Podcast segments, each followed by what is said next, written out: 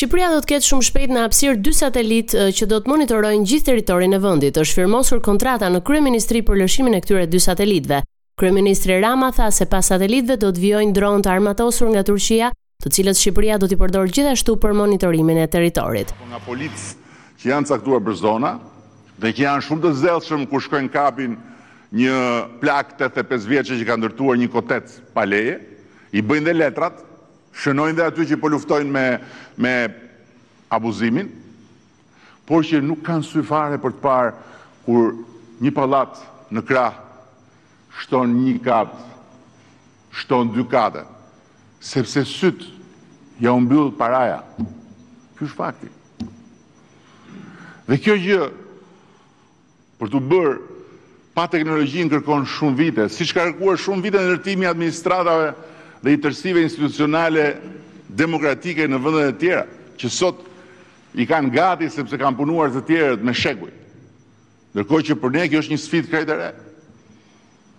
Dhe teknologjia është bekimi i vendeve në zhvillim sepse i jep mundësinë vendeve në zhvillim të bëjnë kapërcime epokale në një në harkun e një viti. Sepse faktikisht me satelitët ne do të kemi mundësi të shohim gjithçka ndodh në shumë nga fushat, siç i përmendi ministri.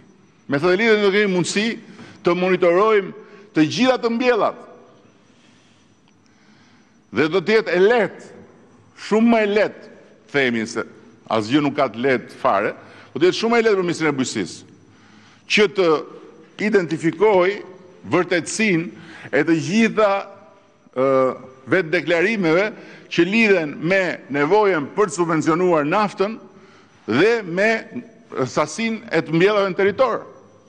Pra, ti nuk do vish dot më me një titull pronësie për një tokë ku mund mos ketë asgjë dhe s'ke punuar asnjëherë dhe të thuash unë kam atë tokën atje dhe unë dua naftë sepse unë e punoj. Dhe kjo gjë nuk do mbetet në tagrin e atyre inspektorëve që shkojnë për të parë nëse ti e ke apo s'e ke tokën, sepse pastaj ajo që ndodh është që atje ti toka është djerrë, por janë është përqindja e lekëve që ti merr për naftë në xhepin e inspektorit që tokën e bën pjellore në në letra. Kjo nuk do të mund të ndodhi më. Ashtu sikundër, ajo që tha ministri dhe dua ta ta ripërsëris, ne do të krijojmë kështu një bazë të dhënash të rëndësishme që na japin mundësi për të bërë shumë analiza dhe në funksion të programimit për të nesërmen, për të parë në rastin e të mbjellave sasitë reale, për të parë të mbjellat e kulturave të ndryshme, zonat e kështu me radhë dhe për të bërë edhe konkluzione më të shpejta se sa nga mbledhja e të dhënave me sy. E njëta gjë për plazhet, e njëta gjë për pyjet, e njëta gjë për lumenjt. Gjithë ndërhyrjet pa leje Apo apo prerjet e pyjeve, apo gërryerjet e shtretëve të lumenjve, apo zjarret e kështu me radhë, do t'i kemi në një pasqyrë të vënë përpara nesh në mënyrë të përditësuar nga kryeinspektoriati i lartë. Ardhjen e dronëve kreu i qeverisë e kishte paralajmëruar javën e kaluar në një intervistë për Blendi Fevziun ku tregoi se Shqipëria do të marrë gjashtë dronë të armatosur. Kryetari i Partisë Demokratike Sali Berisha gjatë takimit me përfaqësuesit e sindikatave ka premtuar se pagat nën qeverisjen e demokratëve do rriten deri trefishi i asaj që janë aktualisht. Ai theksoi se qeveria duke përdorur si kartë luftën me Ukrainën dhe krizën botërore, po kryen vjedhje me blerjen e energjisë. Sakaq ai premtoi kthim të çmimit të mëparshëm të energjisë për biznesin. Në të njëjtën kohë Berisha akuzoi ashpër kryeministrin Rama për abuzimet me fondet publike, Ai propozoi sindikatave të rakordojnë për të caktuar një kohë të përshtatshme për protestën e përbashkët. Pas një takimi nga kryesia e Kuvendit me ambasadorin e Sllovenisë, Peter Japel, deputetja e Partisë Demokratike Jorida Tabaku ka dhënë një prononcim për mediat. Gjatë fjalës së saj, ajo i ka bërë thirrje të gjithë deputetëve të opozitës të mos votojnë ligjin për amnistinë fiskale, duke qenë se për miratimin e këtij ligji kërkohen tetëdhjetë e katër vota. Ajo që unë kam kërkuar të gjithë deputetëve të PD-së, të opozitës është të mos votohet ligji për amnistinë fiskale. Ai kërkon 84 vota dhe që këto 84 vota të arrihet duhet patjetër që të merret nga i gjithë spektri i politikës. Unë besoj që këtu duhet të tregojë opozita që është e bashkuar, me një shenjë dhe një sinjal në mbrojtje të ekonomisë, biznesit, por edhe mbrojtje të procesit të integrimit evropian. Pastaj të gjitha çështjet e tjera për situatën e partisë besoj do kemi edhe momente të tjera bashkë për t'i ndjekur. mbylli fjalën e saj Tabaku. Sipas Instatit, 2022 është viti më i mirë për turizmin në vend gjatë periudhës 8 mujore të këtij viti kanë hyrë në vend 5.7 milion shtetas të huaj, është numri më i lartë i hyrjeve i regjistruar ndonjëherë në vend për 8 mujorin e parë. Në krahasim me të njëjtën periudhë të 2021-shit, hyrjet e shtetasve për 8 mujorin e parë janë rritur me 29.3%.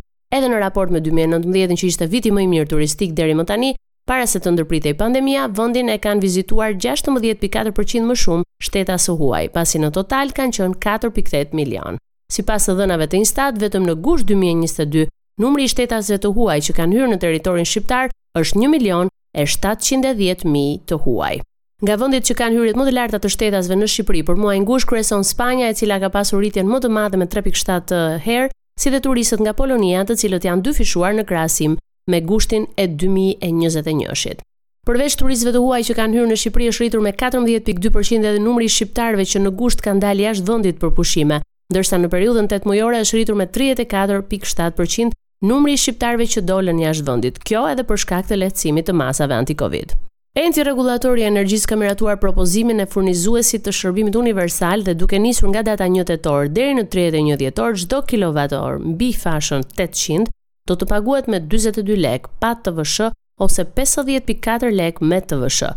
Furnizuesi i shërbimit universal e argumentoi aplikimin për rritje të çmimit me nevojën për të mbuluar shpenzime shtesë të blerjes së energjisë elektrike nga korporata elektroenergjetike shqiptare. Në bazë të këtij vendimi, çdo abonent familjar që harxhon nëntëqind kilovat-orë në muaj do të paguajë një faturë prej afro katërmbëdhjetë mijë lekësh nga gati nëntë mijë lekë që do të paguante para hyrjes në fuqi të këtij vendimi. Nëse konsumi rritet me një mijë kilovat-orë në muaj, atëherë fatura e energjisë për familje do të shkojë afro nëntëmbëdhjetë mijë lekë. Pra, për çdo njëqind kilovat më shumë se fasha tetëqind kilovat-orë, një familje do paguajë një shtesë prej pesë mijë e dyzet lekësh.